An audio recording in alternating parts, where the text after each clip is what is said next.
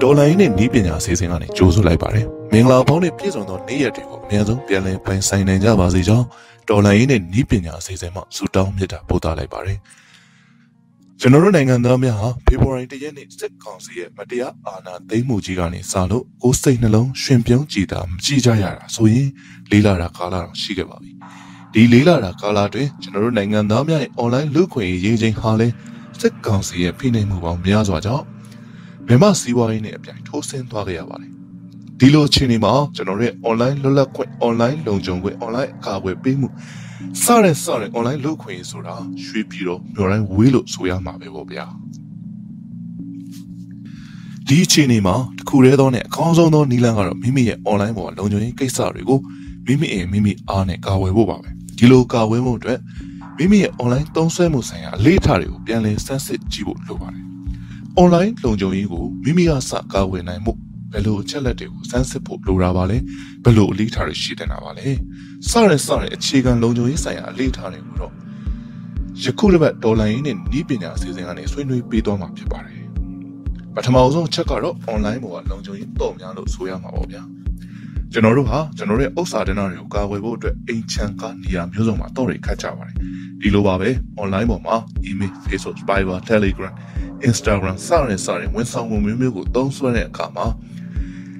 မိမိရဲ့ပြောဆိုဆက်သွယ်မှုဆိုင်ရာအချက်လက်တွေကိုမပေါက်ကြားစေဖို့အတွက် password တွေထားကြပါတယ်။ဒီနည်းအားဖြင့် online ပေါ်ကလုံခြုံရေးတော့တယ်ပေါ့ဗျာ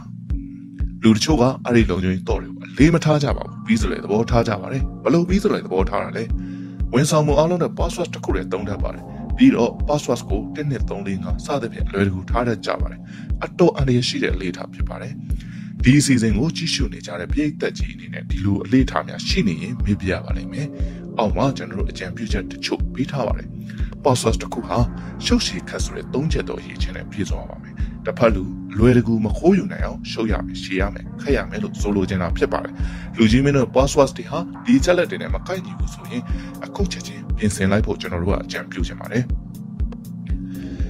ဒုတိယတစ်ချက်ကတော့ service တစ်ခုချင်းစီတိုင်းအတွက် password တစ်ခုစီထားတာဖြစ်ပါတယ်။ diversity is beauty ဆိုတာလေးကဒီနေရာမှာလည်းအသုံးဝင်ပါတယ်။ password တစ်ခုခုကလူရုံမှာလက်ထဲလျှောက်သွားရင်တော့သုံးဆွဲသမျှဝန်ဆောင်မှုတွေကိုဒီ password တစ်ခုတည်းနဲ့ live ဖွင့်ကြည့်နိုင်မှုခက်ခဲသွားမှာဖြစ်ပါတယ်။ဒီနေရာမှာမေးစရာရှိတာ password တွေကရှုပ်ကလည်းရှုပ်ရအောင်မယ်ရှေ့ရလည်းရှေ့ရမယ်ခက်ရလည်းခက်ရအောင်မယ်တစ်ခုနဲ့တစ်ခုကလည်းမတူဘူးဆိုရင်မိကုန်ရင်ဘယ်လိုလုပ်မလဲလို့စောတကတက်ဆင်ရှိပါတယ်။ဒီအတွက်မပူပါနဲ့သင်တော်တဲ့ password manager တစ်ခုခုအသုံးပြုနိုင်ပါတယ် password manager ဆိုတာဘာနဲ့အလားတန်ဒူသလဲဆိုရင်ကျွန်တော်တို့ကအပြင်မှာ thought တွေပျောက်မှာဆိုလို့ thought တွေအားလုံးကို vegan data တွေမှာထည့်လိုက်တယ်ပြီးသွားလို့ရှိရင် thought ခတ်လိုက်တယ်ဒါဆိုရင် vegan data thought တစ်ခုကိုပဲကျွန်တော်တို့ကတင်ထားဖို့လုပ်မှာဖြစ်ပါတယ် password manager တွေအကြောင်းကိုတော့နောက်မှကျွန်တော်တီးခြားဆွေးနွေးပေးပါမယ်ဒုတိယတစ်ခုကတော့သင်ရဲ့ online ပေါ်က share တွေကြောင့်ဝေဒနာတွေမကြံရစ်ခဲ့စေဖို့ VPN လေးတွေကိုမဖြစ်မနေသုံးစွဲကြဖို့ ကျွန်တော်တို့အကြံပေးလိုပါတယ်ကျွန်တော်တို့စီစဉ်ကိုကြည့်ရှုနေကြတဲ့ပြည်သက်ကြီးကို VPN သုံးစွဲခြင်းအားသာချက်တချို့ပြောပြချင်ပါတယ် VPN သုံးစွဲခြင်းအပြင်ပထမတစ်ချက်ကျွန်တော်တို့ရဲ့ဒီနေရာကိုခြေရာခံနိုင်မှုကိုအထိုက်လျောက်ကာကွယ်ပေးနိုင်မှာဖြစ်ပါတယ်ဒုတိယတစ်ချက်ကတော့ VPN အများစုကအချက်လက်တွေကိုအတိုင်းအတာတစ်ခုထိ encrypted လုပ်ပေးပါတယ်တတိယတစ်ချက်အနေနဲ့ကတော့ VPN အများစုက no load policy ရှိတဲ့အတွက်သူတို့စီကနေဆက်လက်ပြီးတွာလာတဲ့ကျွန်တော်တို့ရဲ့ online ပေါ်ကတွာလာလှုပ်ရှားမှုတွေကိုအစိုးရရဲ့ဖိအားပေးတောင်းဆိုခြင်းကနေအတိုင်းအတာတစ်ခုထိကာကွယ်ပေးနိုင်ပါလိမ့်မယ်နောက်ထပ်အကြံပြုချင်တာကတော့သင်ဝင်ရောက်သုံးစွဲမဲ့ website link တွေဟာ https သုံးစွဲထားခြင်းရှိမရှိကိုသတိပြုပါလို့အကြံပေးချင်ပါတယ် website link တွေရှေ့မှာ http ဒါမှမဟုတ် https နှစ်မျိုးတွေကတစ်မျိုးမဟုတ်တစ်မျိုးပါပါတယ် အလွယ်တကူနားလည်လွယ်အောင်ပြောရရင် https သုံးစွဲထားတဲ့ website တွေကိုအလွယ်တကူပဲခြေရခံနိုင်တဲ့အနေအထားရှိပါတယ်အခြေအနေရှိနေပါတယ်ဥပမာသင်ကအင်တာနက်ကိုဝင်သွားတယ်လူတယောက်ကသင်ရဲ့အနောက်ကနေလိုက်လာပြီးတော့ဘုရားကန်သွားတယ်ပြီးတော့အောက်ပြန်ဆင်းလာတယ်ရေတောက်တယ်ပြန်ထွက်လာတယ်စားသဖြင့်စားသဖြင့်ကိုလိုက်ကြည့်နေတဲ့သဘောမျိုးလို့ဆိုရမှာဖြစ်ပါတယ် HTTPS လို့ခေါ်တဲ့ Hypertext Transfer Protocol Secure မှာတော့ SSL လို့ခေါ်တဲ့ Secure Socket Layer တစ်ခုပါတဲ့အတွက်သုံးစွဲသူတွေရဲ့ online ခြေရာတွေကိုအလွယ်တကူခြေရာခံနိုင်မှုအခွင့်အလမ်းနှဲပါသွားပြီဖြစ်ပါတယ်။သုံးစွဲသူတွေဟာဘယ် website ကိုသွားတယ်ဆိုတာအထိကိုပဲခြေရခံလို့လွယ်မှာဖြစ်ပါတယ်။အဲဒီ website တွေကိုကြောက်သွားပြီးဘယ်နေရာတွေကိုဆက်သွားတယ်ဆိုတာကိုတော့ခြေရခံမှုခက်ခဲပါတယ်။ဥပမာသင်ကအိမ်တအိမ်ကိုသွားတာကိုလူတစ်ယောက်ကနောက်ရောက်ခံရင်သင်ဘယ်အိမ်ကိုသွားတယ်ဆိုတာအထိပဲတွေ့နိုင်တဲ့သဘောမျိုးဖြစ်ပါတယ်။သင်အိမ်ထဲမှာဘာလုပ်နေတယ်ဆိုတာကိုတော့အဲဒီနောက်ရောက်ခံတဲ့သူကလွယ်တကူမတွေ့နိုင်တဲ့သဘောမျိုးဖြစ်ပါတယ်။ ဒါကြောင့် website တစ်ခုဝင်ရောက်မယ်ဆိုရင် https ပါမပါသတိပြုသင့်ပါတယ်။သင်ရဲ့အချက်အလက်တွေကိုလှည့်ပြောင်းရယူလို့တဲ့တနည်းအားဖြင့် online ပေါ်မှာ phishing လုပ်လို့တဲ့သူအများစုဟာ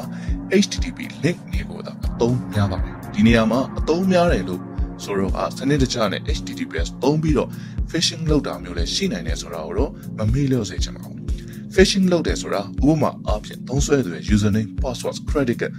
စတာတွေကိုရယူဖို့အတွက်ယုံကြည်ရလောက်တဲ့အဖွဲ့အစည်းတစ်ခုကပေးပို့တဲ့ပုံစံမျိုးဟန်ဆောင်ပြီးတင့်ရဲ့ email ဒါမှမဟုတ် messenger တွေကို link တွေ file တွေပေးပို့ပေးခြင်းဖြစ်ပါတယ်။အဲ့ဒါကိုသုံးစွဲသူကသတိမပြုတ်မိပဲသူတို့ပေးလိုက်တဲ့ link မှာအချက်လက်တွေဖြည့်သွင်းမိရင်တော့တင့်ရဲ့အချက်လက်တွေဟာအခိုးယူခံရမှာဖြစ်ပါတယ်။ဒါကြောင့်တင့်ထံကိုရောက်လာတဲ့ link နဲ့ file တွေကိုအလွယ်တကူဖွင့်မကြည့်ပဲစနစ်တကျနဲ့သတိပြုလေ့လာသင်ပါတယ်လို့ကျွန်တော်တို့က အကြံပေးလိုပါတယ်ဒါဟာ online လုံခြုံရေးဆိုင်ရာအလေးထားပေါင်းတစ်ခုပဲဖြစ်ပါတယ်ဒီမိုးပေါင်လုံးမောင်းပုံးနေရတော့အချစ်မတိုးတဲ့စနစ်စိုးကြီးထဲမှာတင်းရဲ့ online ပေါ်ကလုံခြုံရေးအတွက်ကျွန်တော်တို့အစီအစဉ်ကနေတင်ဆက်သွားတဲ့ online လုံခြုံရေးဆိုင်ရာအကြံပြုချက်များကိုလိုက်နာပေးဖို့ထပ်မံတောင်းဆိုခြင်းနောက်ပတ်များမှာလည်း online နဲ့ဤပညာ TV အစီအစဉ်ကနေဘယ်လိုအကြောင်းအရာတွေကိုဆက်လက်တင်ပြပေးအောင်မလဲဆိုတာကိုစောင့်မျှော်ကြည့်ရှုပေးကြပါဦးခင်ဗျာ